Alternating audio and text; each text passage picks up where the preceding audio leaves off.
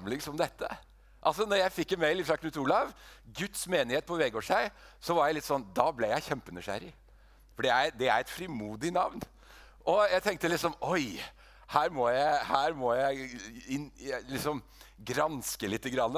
Og jeg ble bare mer og mer nysgjerrig. Og i går fikk jeg en bok om Det blåser på heia. Og jeg veit hvor jeg skal lese den. Jeg vet når jeg skal lese den. Da skal jeg sitte i stølsveggen. Og jeg håper på sol i påsken. Og jeg skal ha mitt eget hjemmerøykte bacon på bålpanna og kose meg med den boka. Så den, gleder jeg meg til. Og når jeg kom inn, kjørte inn til Vegårshei i går, så så jeg en stor ATV og en bitte liten ATV ved siden av hverandre som sto bortpå bensinstasjonen her. Jeg tenkte herlig. Fantastisk. Og jeg så en svær sånn stabel, jeg så mange stabler med ved, men jeg så noe bjørkeved. dere har sikkert lagt merke til det. Hvit, nydelig bjørkeved som lå liksom spredd utover en hage rett når du kjører inn til Vegårshei. Jeg tenkte, her, Dette er virkelig bra. Men men, jeg må bare ha Bibelen min. Ville du tatt bare den til meg? Og det å, det å, komme inn i en forsamling Litt som jeg sa, så er det noe med å komme inn i en forsamling hvor du, hvor du ikke kjenner folk. Altså, jeg har, noe, jeg har ikke noen relasjoner utover de jeg bygde i går, som er veldig korte. Men det, det ble, altså jeg spiste middag hjemme hos Knut Olav og Else. og det, det, var, det, var, utrolig hyggelig. Og vi bygde en, en relasjon som jeg tenker den skal vi bygge videre på. Og, og, så er det sånn at uh, I tro og medier, hvor jeg jobber, da, der, hvis jeg får opp skjermen min, uh, så, så, det, så, har jeg utgangspunkt uh, når, jeg, når, jeg, går inn i en forsamling eller inn i et ungdomsmiljø, så har jeg utgangspunkt i å ta, ta tak i dette som handler om godhet, sannhet og tro i mediene. Og godhet og sannhet og tro er jo noe som i stor grad krever litt sånn Hvis vi skal snakke litt sånn ærlig om det, så må vi inn i relasjonene våre. For eh, hvordan erfarer vi, og hvordan gir vi, og hvordan mottar vi godhet? Og da snakker vi jo i stor grad i relasjon. For vi er jo veldig relasjonelle som mennesker. Fordi at vi er skapt sånn. Og så er det noe med at det, dette med sannhet er jo veldig krevende og utfordrende å forholde seg til i dag. For hva er sant, og hvem er det som formidler sannhet? Og hvordan skal vi tolke alle de ulike budskapene som kommer inn i oss? Via de ulike kanalene. Og så har vi dette med mediebruk, som jo er kjempekrevende. Altså veldig, veldig krevende. Og jeg tror nok min generasjon har nok ikke tatt inn over oss hva vi la til rette for når, når hele tech-industrien eksploderte. Men øh, jeg bor i Haugesund, og øh, der er jeg gift med Elisabeth. Og det har jeg vært siden 1991, eh, så det begynner jo å bli over 30 år faktisk. Vi har fire barn. Vi har to svigerbarn, og så har vi to sånne kjærestebarn i familien. Det er superspennende fase av livet. Og det er noe med å kunne speile både godhet, sannhet og tro inn i sitt eget liv. Altså hvilke frukter er det i mitt liv? Og hvilke frukter er det i ditt liv? Og hvilke erfaringer og opplevelser og følelser er det vi knytter inn i disse litt sånn nære tingene. Og så er det sånn da, at uh, i den jobben min som, uh, som, jeg har i tro og medier, så reiser jeg veldig mye. Og jeg hørte dette ordet reisesekretær. Jeg lurer på om jeg hadde falt inn i den kategorien. Jeg vet ikke. Det er et helt fremmed ord for meg. Men uh, det er mulig. Men i alle fall så jobber jo jeg mye inn i skoler, jeg jobber mye inn i kirker i organisasjoner, masse typer sånne fagdager og konferanser og skolekonferanser, de kristne friskolene. Og så jobber jeg i stor grad med de sårbare temaene, de vanskelige temaene, som handler om seksualitet, som handler om identitet, som handler i dag mye om kjønn. altså Hvorfor er vi som vi er? Hvorfor er vi født som mann og kvinne og skapt i Guds bilde for å speile og reflektere Han? Og hvordan skal vi forholde oss til den verden som vi lever i? som er veldig i konflikt med hva jeg tror. Og faktisk òg hva jeg erfarer. Da må vi inn i noe som kanskje er nært. Og når jeg snakker til deg i dag, så veit jeg, jeg er klar over at det jeg prater om, det er en samtale som fungerer og er ment å være i trygge, nære relasjoner. Altså Jo mer vi snakker om de nære tingene, og de sårbare tingene i nære relasjoner, jo mer utruster vi de menneskene rundt oss, og kanskje de unge menneskene rundt oss, til å ta valg basert på de verdiene og erfaringene, og ikke minst den troen og det håpet som er knytta inn i Guds ord og i den kristne troen. Og Jeg tenkte jeg skulle bare åpne litt med å lese Ta innover, sånn, ta innover oss litt alvoret at vi faktisk at vi samles som kristne. Og da, da, har jeg lyst til å bare starte med å lese noen vers fra Salme 84, hvor det står Jeg lengter. Ja, fortæres av lengsel etter Herrens forgårder. Nå jubler hjertet og kropp mot den levende Gud. Og da er det noe med at eh, vi, som hele mennesker av kjøtt og blod, skapt med mening, skapt med betydning, skapt med en hensikt, lengter etter å komme sammen. Lengter etter fellesskapet. Lengter etter relasjonene. Og Dette handler jo ikke om bare liksom, følelsene våre og det inni oss. Men kroppen vår, altså det fysiske. Hva vi faktisk er. Og For å snakke om disse tingene, da, for å liksom prøve å løfte det litt inn i en verden som kanskje er vanskelig, som er utfordrende. Og jeg synes Det var så fint Knut, at du dro fram at her er vi, her er vi ulike. Her er vi, her er vi eldre. Her er vi unge voksne. Her er vi godt voksne. Her er vi enslige. Altså her, her, er vi småbarnsforeldre. Her er vi hele bredden av hva vi faktisk er som mennesker. Og da har det noe, noe kraft i seg å gå inn i vår felles historie. Fordi at vi bærer en felles historie som er dyp, som er meningsfull, som er ønsket, og som er villet. Og når jeg, når jeg starter på en sånn, en sånn liten reise egentlig som, som, dette er, så liker jeg å trekke fram noen ulike elementer som, uh, som betyr mye i den, ja, i den, jobben og i den, den tjenesten som jeg, som jeg, står i. Og da er, da er, det kanskje relevant å sitere litt sånn ulike sitater fra Bibelen inn i Paulus sitt ord igjen. Uh, Paulus starter med å skrive til uh, menigheten i Efesus, hvor han starter med å bekrefte deres identitet. Og Dette med nåde og barmhjertighet går jo rett inn i hva jeg tenker. For er det noe vi trenger, er det et behov vi trenger å møtes på, så er det jo nåde og barmhjertighet. Medynk, medfølelse, gjenopprettelse, tilgivelse. Alle disse tingene som er litt sånn, Det er litt vanskelige, kompliserte ord. Men når vi først trør inn i den varmen og inn i den barmhjertigheten, så er det noe som treffer oss både i vårt hjerte og i vår kropp. For kroppen berører vår sjel. I Kristus utvalgte han oss før verdens grunnvoll ble lagt, til å stå for hans ansikt, hellige og uten feil.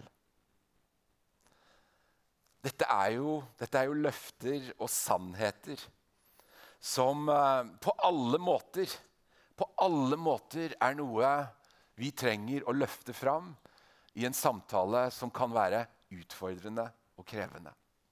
Og Da har jeg prata litt om i går, hvor jeg starta med å forankre vår frihet inn i, som, inn i en salme. Da, fordi at frihetsbegrepet i dag er ganske krevende å forholde seg til. Fordi at eh, vi kommer inn i denne verden som frie. Vi er gitt en fri vilje. Og så lever vi i en tid hvor store deler av kulturen vår og samtiden vår har det som heter en dualistisk tilnærming til mennesket. Hvor vi er todelt. At jeg er bare materie. Og jeg skal fylle denne materien med mening. Jeg skal ta mine valg og fylle min kropp med mening. Men det er jo, det er jo sterk konflikt da, til den friheten som jeg er født inn i. Fordi at den friheten jeg er født inn i, som en mann skapt i Guds bilde til å speile og reflektere Han, den er forankret i hans gode vilje. Og der ligger jo der ligger grunnlaget for menneskeverdet. Ut ifra det, kristne, det, kristne synet på hva er et menneske verdt. Det, og Jeg brukte noen eksempler i går, og det er veldig sånn direkte språk. som eh, jeg har en annen, jeg, Bare slapp av, det er et annet format på gudstjeneste. Men eh, det, hadde, det var ganske røffe spørsmål i går når vi åpna opp for det. Men jeg brukte jo et, eh, et språk hvor jeg snakket om mennesket sin begynnelse. Hvor denne sammensmeltningen av denne sædcellen og dette egget Hvorav det er Guds gode vilje som ligger bak. Og det er en hensikt at vi er elsket, at vi er ønsket, og at vi er villet av Gud. Og Når vi skal ta litt borti dette som handler om mediebruk, så er det noe med at det, der er budskapene annerledes. Det er, en, det er, et annet univers. Og jeg forholder meg til mye unge mennesker som opplever seg ikke elsket, som ikke villet, som ikke ønsket. Som er utilpass med kroppen sin, med seksualiteten sin, med omgangskretsen sin. Og da komme inn med evangeliet, som er en god nyhet. Ordet evangelium, godt nytt. Om at du er ønsket, villet og elsket av en Gud som er god. Det er en fantastisk, det er en, det er en nydelig budskap å så inn i den kommende slekten. Som dere må være veldig opptatt av i og med hva dere har gjort med disse husene deres. og satse fremover. Og, altså, det, ligger, det ligger blod, svette og tårer. Det må det gjøre. Og prosesser bak at dere har fått til det dere har fått til her. Med tanke på liksom, ungdomsavdelingen og barneavdelingen og møtesal. Altså Det ligger noe dybde og noe tanke bak. Hvordan skal vi tenke framover? Og da må vi ned i grunnfortellingen i mennesket. Og snakke om hva og hvorfor og hvordan vi er skapt med en hensikt og en dyp, dyp mening. Og det å vite at vi som mennesker har ulike historier som vi bærer med oss, det var jeg inne på i går hvor jeg snakket om hvordan vår felles historie Ikke din historie eller min historie eller din erfaring eller min erfaring, men vår felles historie. Om at før vi følte, og før vi erfarte, og før, ut ifra Efeserbrevet, og før verdens grunnvoll ble lagt, så var du og jeg elsket og villet. Og Dette er jo noe som er vanskelig å gripe om. Dette er noe som er vanskelig å ta innover i intellektet sitt. Og Det er nok nettopp derfor at denne salmen som jeg starta med, er så tydelig at både hjertet og kroppen trenger å henge med. For vi har ikke et todelt, dualistisk syn på mennesket. Vi har et, en hel, bred inngang på hva vi er. Som Guds hellige, utvalgte og elskede. Og så er vi jo ganske forstyrra av erfaringene våre og av følelsene våre. Og det skaper jo i stor grad ganske ubalanse i den tiden og kulturen vi lever i. Og det skaper i stor grad ubalanse i den oppvoksende slekt. Hvor både dette med godhet, sannhet og tro blir veldig utfordra. Fordi at dette med å prestere, dette med å, å, å, få, å få, inntrykk innover seg ifra veldig tidlig alder, tenker jeg må utfordre oss til å være frimodige på sannhet frimodige på elsket, villet og ønsket. Og frimodige på Guds ord. Og løfte det fram inn i, en, inn i en verden som kan være vanskelig. Og da må vi gjerne grave litt borti smerte. Vår egen smerte og den smerten som vi gjerne ser i den tiden vi lever i. Og Det er lett å stå på utsida og betrakte den smerten som samfunnet bærer stor grad preg av. Ensomhet, utenforskap, overgrep, maktmisbruk, seksualitet på avveie. Konflikt med egen kropp, eget kjønn. Dette er dyp smerte. Og det er et for, for, meg, som jeg ofte sier det, tror jeg sa det i går, at jeg opp, har en opplevelse av å jobbe i dødsskyggens dal. Å møte smerten til mennesker som både erfarer og føler ting som er i sterk kontrast og i konflikt med hva Bibelen snakker om når det kommer til seksualitet, når det kommer til kropp, når det kommer til grenser er en smertefull samtale. Men som disippel og som en følger av den allmektige Gud, så er jeg kalt til å møte mennesker med ydmykhet og respekt, men å tale sant. Og her er jo denne balansen, da. Hvordan fikser vi dette? Hvordan håndterer vi dette i kirkene våre? Hvordan håndterer vi dette i relasjonene våre? Da må vi inn i hvordan møtte Jesus den allmektige. Gud som menneske. Hvordan møtte han mennesker? Hvordan ola han seg? Og jeg skulle jo så inderlig gjerne sett hvordan han bevegte seg. Hvis det stemmer at vår kommunikasjon stor grad, i stor grad handler om ansiktsuttrykk, øyne, bevegelse. Satt han eller sto han i Johannes 4 når han snakket med denne kvinnen? Som han oppsøkte. Som han oppsøkte. Han gikk henne i møte. Hun var så full av skyld og skam, av avhengighet. Og Jesus gikk inn i det aller mest sårbare i livet hennes. Du snakker sant, kvinne. Og den mannen du lever med i dag, er heller ikke din mann. Det mest sårbare i livet hennes. Og så valgte han denne situasjonen å proklamere seg selv som levende vann. Så det er noe å lære her, håper jeg, både for dere på Vegårshei eh, og for mennesker rundt omkring. At det er noe med å, noe med å lære av mesteren i møte med vanskelige, sårbare ting. Og når vi skal møte vår egen smerte, som jeg eh, dessverre opplyser unge mennesker om at det, det blir dessverre en del av livet smerte og utfordring. Vi kommer ikke utenom det. Noen får det tidlig inn i livet. Og jeg møter mye unge mennesker som får smerte inn i livet sitt tidlig. Selv fikk jeg smerte inn i livet mitt tidlig med at familien min gikk i oppløsning. Med dødsfall og masse, masse smerte.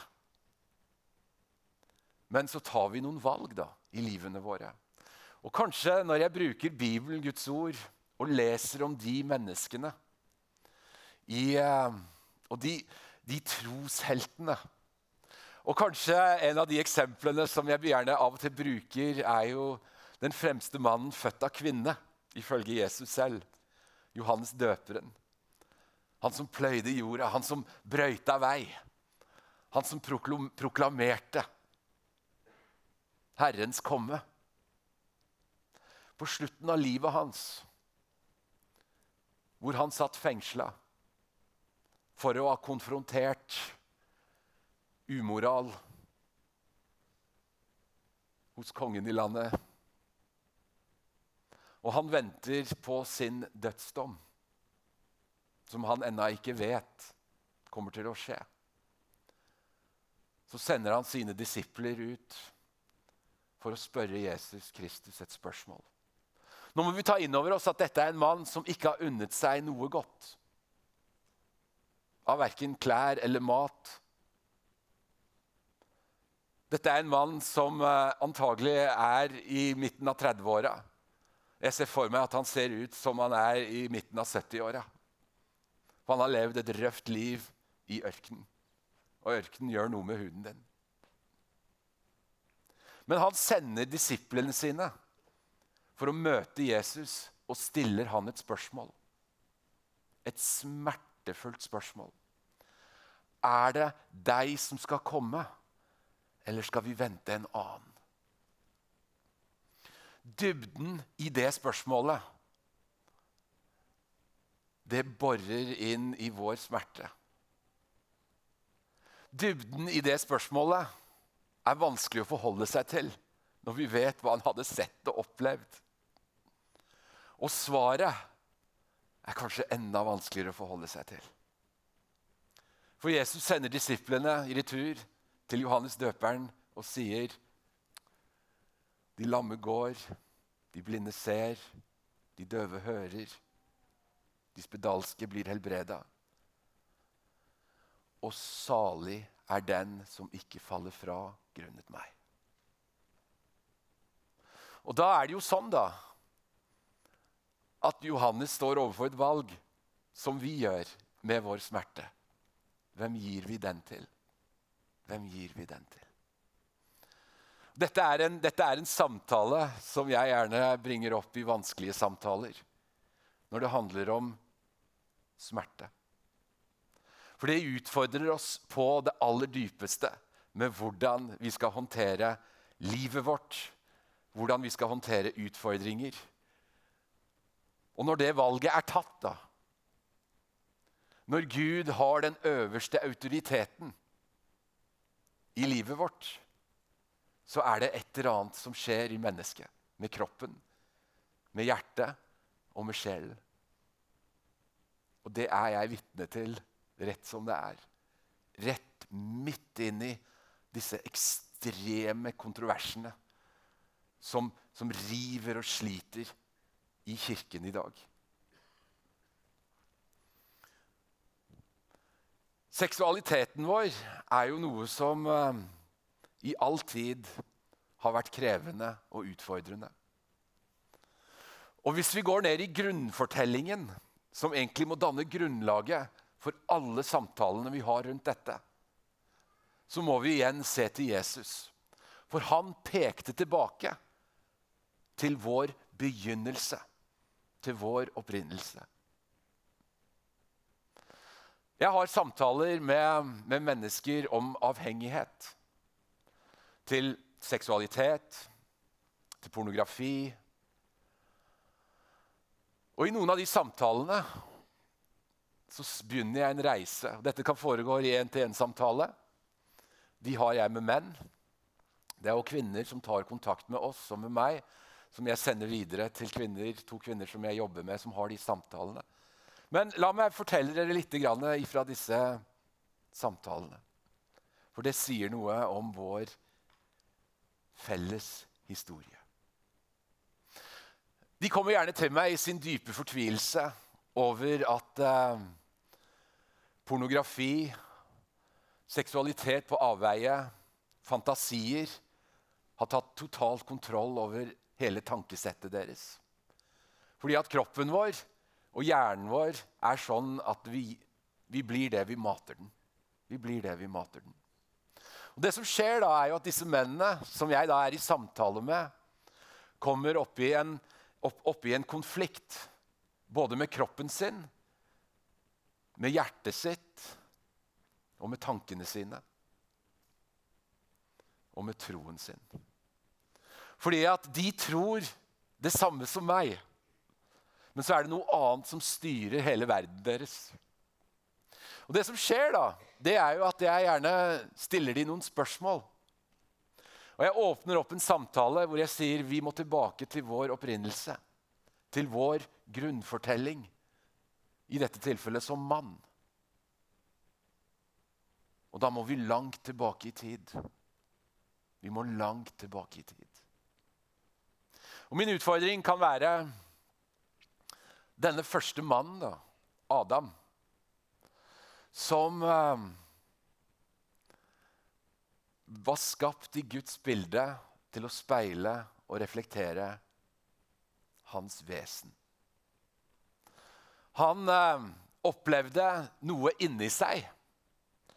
Og, og mennesket og skapelsen er, den er fullkommen, og det er svært godt. Det er, ikke, det er ingenting galt i skaperverket. Og, men denne mannen han kjenner på en uro. Han kjenner på en dyp uro inni seg. Fordi at det er noe som er ufullkomment. Det er ikke noe galt, men det er noe som er ufullkomment. Og denne uroen i denne mannen det kommer ifra dypet. Langt inne i kroppen. Og Gud, han gjenkjenner uroen. Og derav denne uttalelsen og setningen og sitatet. Det er ikke godt for mannen å være alene. Og da begynner Gud å bygge kronjuvelen i skaperverket. Og jeg syns denne tanken om at Gud faktisk bygger kvinnen, setter oss på sporet av en, en formidabel historie. Som handler om vår felles historie som mann og kvinne. Vi skal tilbake til samtalen med menn. Jeg må bare gjøre et par avsporinger her. Henger dere med? Denne, denne kvinnen, som vi jo da kjenner ut ifra historien, ble tatt ut av mannens side. Og bygget av Gud den allmektige. Jeg fikk et spørsmål fra en ung jente for en tid tilbake. En jente som utstrålte mindreverd. Hele, hele kleshabitten hennes bøy på mindreverd. Alle, alle signalene hun sendte. Vi er jo bare bygget ut av et ribbein. Vi kan jo ikke være så mye verdt. Når jeg da snudde opp ned på hele undervisningen den dagen og snakket om kronjuvelen i skaperverket, så jeg hun gikk på en annerledes måte ut ifra det rommet. Hvor verdighet og ære var en del av kroppen. Men hør her, da. Denne mannen da, som eh, opplever denne, denne ufullkommenheten. Og når da Adam og Eva dette er, i grunnfortellingen blir ført sammen av Gud den allmektige. Og Det er her jeg spør disse unge mennene og voksne mennene, som gjerne har, har gjerne falt litt av lasset, blitt passive, ramla litt av kirken pga. omstendighetene i livet deres. Og min utfordring i dette spørsmålet er hva skjedde inni denne mannen? Den første tanken er jo at jo, han ville ha sex med henne. Det er liksom den første tanken. Og Da lar jeg det henge en stund. Og så utfordrer jeg og sier kan vi grave litt dypere. Kan vi, kan vi pløye dypere i vår fortelling? Og så begynner det å komme ord ifra dypet. Hvor vi er skapt med mening og hensikt. Og Da snakker jeg om ord som 'Henne vil jeg ære'. Henne vil jeg forplikte meg ovenfor. Henne vil jeg med min styrke, med mine breie skuldre, for de er jeg gitt av Gud Faderen. Henne vil jeg verne om og beskytte. Og Da snakker vi om en maskulinitet som er helt annerledes enn det som blir formidlet. Og Vi kan snu dette på hodet og endre liksom samtalen over til kvinnen. Og Er det noe jeg syns er er fascinerende og spennende, og som vekker en, en dyp nysgjerrighet i meg som mann, så er det hva bodde i denne Eva? Hva var det som gjorde henne til kvinne? Hvilken behov, hvilken styrke og hvilken verdighet var det hun hadde inni seg, som var et bilde av Gud den allmektige? Jeg skulle ha en sånn mannekveld her for en stund siden på en folkehøyskole. Og så Når du er på en folkehøyskole, så gjør jeg meg tilgjengelig. Og Så satt jeg i matsalen, Og alle de unge kvinnene i denne skolen visste at jeg skulle snakke med alle gutta på kvelden. Og tror du ikke det bordet hvor jeg satt, ble fullt av unge kvinner? Hva skal du si, Alexis? Hva skal du si? Og Jeg snakket om ansvar og retning og disse tingene jeg sa. Jeg skal snakke om en lang sånn frilufts... Jeg er interessert i friluftsliv. Jeg skal snakke om en ganske røff tur jeg var på, og så skal jeg snakke om liksom styrke. Og så skal jeg pakke det inn i noe veldig mykt. Noe veldig mykt. Og så var det en ung kvinne der som sier ja, og så må du snakke om hvordan være en god far. Oi. Det kom ifra til denne unge kvinnen. Det er noe hun ser etter. Jeg har noen unge kvinner og voksenkvinner tett på livet mitt. Jeg har to døtre. Jeg har en svigerdatter som er veldig veldig nær hjertet mitt. Og jeg har Elisabeth, kona mi, som i dag er i Israel. Hun er på tur til Israel. Kan du tenke deg? Hun koser seg sammen med en haug med pensjonister. Jeg syns det er artig. Hun veit at jeg ikke hadde trives på den turen, så hun reiste aleine. Vi er veldig ærlige med hverandre. Men uh, er det noe disse kvinnene, da, som jeg liksom ser fra utsida som mann, har til felles? Jo, de vil bli elsket. De vil bli elsket. Det, er, det, sitter, så, det sitter så dypt inni de. Og det jeg prøver å fortelle deg, da, og det jeg prøver å si til deg i den bredden av mennesker som sitter i dette rommet At vi er skapt som mann og kvinne med en dyp mening med en hensikt. Uansett hvilken livssituasjon eller livsfase vi er i. Og Jeg har en god venn av meg som er katolikk, som jobber med en veldig spennende bok nå som heter 'Kroppens teologi'. Og jeg, jeg, jeg spiller litt ball med han. Og det er så spennende, for har jo, Katolikkene har jo ekteskapet som, som et sakrament. Og Han forklarer meg litt om disse tingene. Og Han sier at det at vi er skapt som mann og kvinne, det har en ekteskapelig betydning. Ikke i den form av at alle skal være gifte. Det er, ikke, det er ikke det vi snakker om. Men vi snakker om at vi er gitt en lengsel etter å leve i en nær, intim relasjon med vår skaper. Oi. Og det egentlig setter meg litt inn på sporet hvor jeg skal begynne å runde av her. hvor, vi, eh, hvor, vi, må inn og, og, lese litt med denne dype hensikten. Med det verdensbildet som vi faktisk har i dag. Men med den sannheten og godheten som vi kan hente ut ifra Bibelen, Guds ord. La oss hoppe inn i Salmos høysang, som er en spennende bok. Vet du at Den første katolske munken som oversatte Salmos høysang til tysk, han måtte sone seks år i fengsel for det erotiske språket som da ble gjort tilgjengelig for allmennheten. Det er ganske heftig språk i denne boken. Men vi snakker om en relasjon mellom en mann og en kvinne. Og Jeg gjorde akkurat Salomos høysang for en tid tilbake for uh, en stor gruppe i, uh, i uh, Bulgaria. Og der var det mange munker og nonner som var veldig begeistret for Salmos høysang.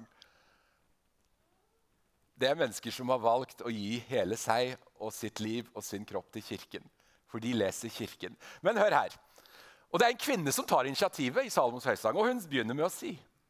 Og tingene er på plass. Rammene er på plass. Det er en forpliktelse. Det er en velsignelse. Det er en gudgitt orden. Det er en mann, og det er en kvinne. Det snakket vi om i går på ungdomsmøtet og var tydelige på hvilken ordning og hvilken rammer er det Gud har ratt satt rundt vår seksualitet. Og Det kan vi gjøre på en ærlig, tydelig, sann og ydmyk måte. Og Jeg jobber mye med denne tematikken selv. Og i møte med mennesker som tror og lever annerledes enn meg, så veit jeg at jeg er tjent med å ha de relasjonene. For det gjør noe med hjertet mitt, det gjør noe med tankene mine, og det gjør noe med mitt innsyn i andre menneskers smerte. Og om han ville kysse meg med sin munn, starter hun med 'Elsk meg, elsk meg'. Din kjærlighet er bedre enn vin. Jeg er ingen vinkjenner. Jeg er en avholdsmann, så jeg har lite kunnskap om vin. Men jeg har lest litt om vin. Du skal foredle en jord. Du skal så. Du skal vanne.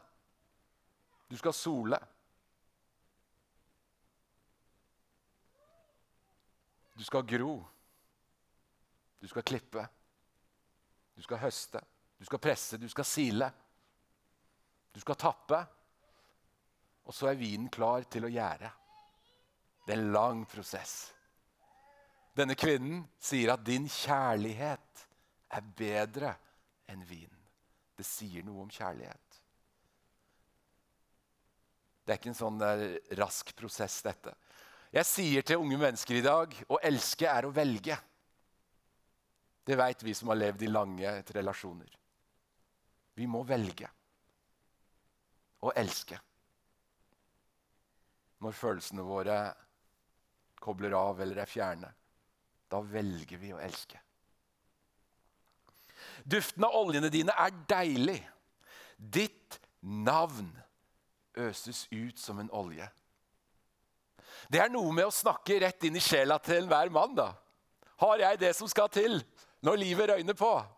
Og denne kvinnen, hun buser ut og sier, 'Ditt navn'. Og hele rommet fylles av velduft. Er det noe jeg syns er spennende, så er det å snakke til unge menn om disse tingene. Om identitet og identitetsbygging og karakterbygging. Bare jeg hører navnet ditt, så blir jeg trygg. Vi kunne gått videre inn i denne, denne dansen som Salomos høysang er. Vi kan ta litt ifra mannen, for jeg syns han er spennende her, jeg òg. Så vakker du er, min elskede, så vakker du er. Han bekrefter henne gjentatte ganger. Det var svært godt, sa Gud. Det var overmåte godt. Øynene dine er som druer bak sløret. Å, du er spennende. Jeg vil utforske. Håret ditt er som en geiteflokk strømmende nedover Gideas fjell. Og når jeg gjør dette med ungdommer, så Geiteflokk? Er det så veldig romantisk?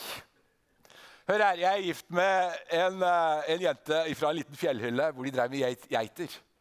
Geiter var inntektsgrunnlaget til familien hennes. Det var rikdommen deres. Og håret ditt er som en geiteflokk. Han sier noe om hvor rik hun er. Ja, hva er det vi snakker om da? Verdighet. Evnen til å gi liv. Til å bygge et hjem. Dette er grunnfortellingen vår. Vi kan gå litt videre, for han mannen her han tar helt av. Leppene dine er som skarlagensbånd, og munnen din er deilig. Hvordan snakker vi?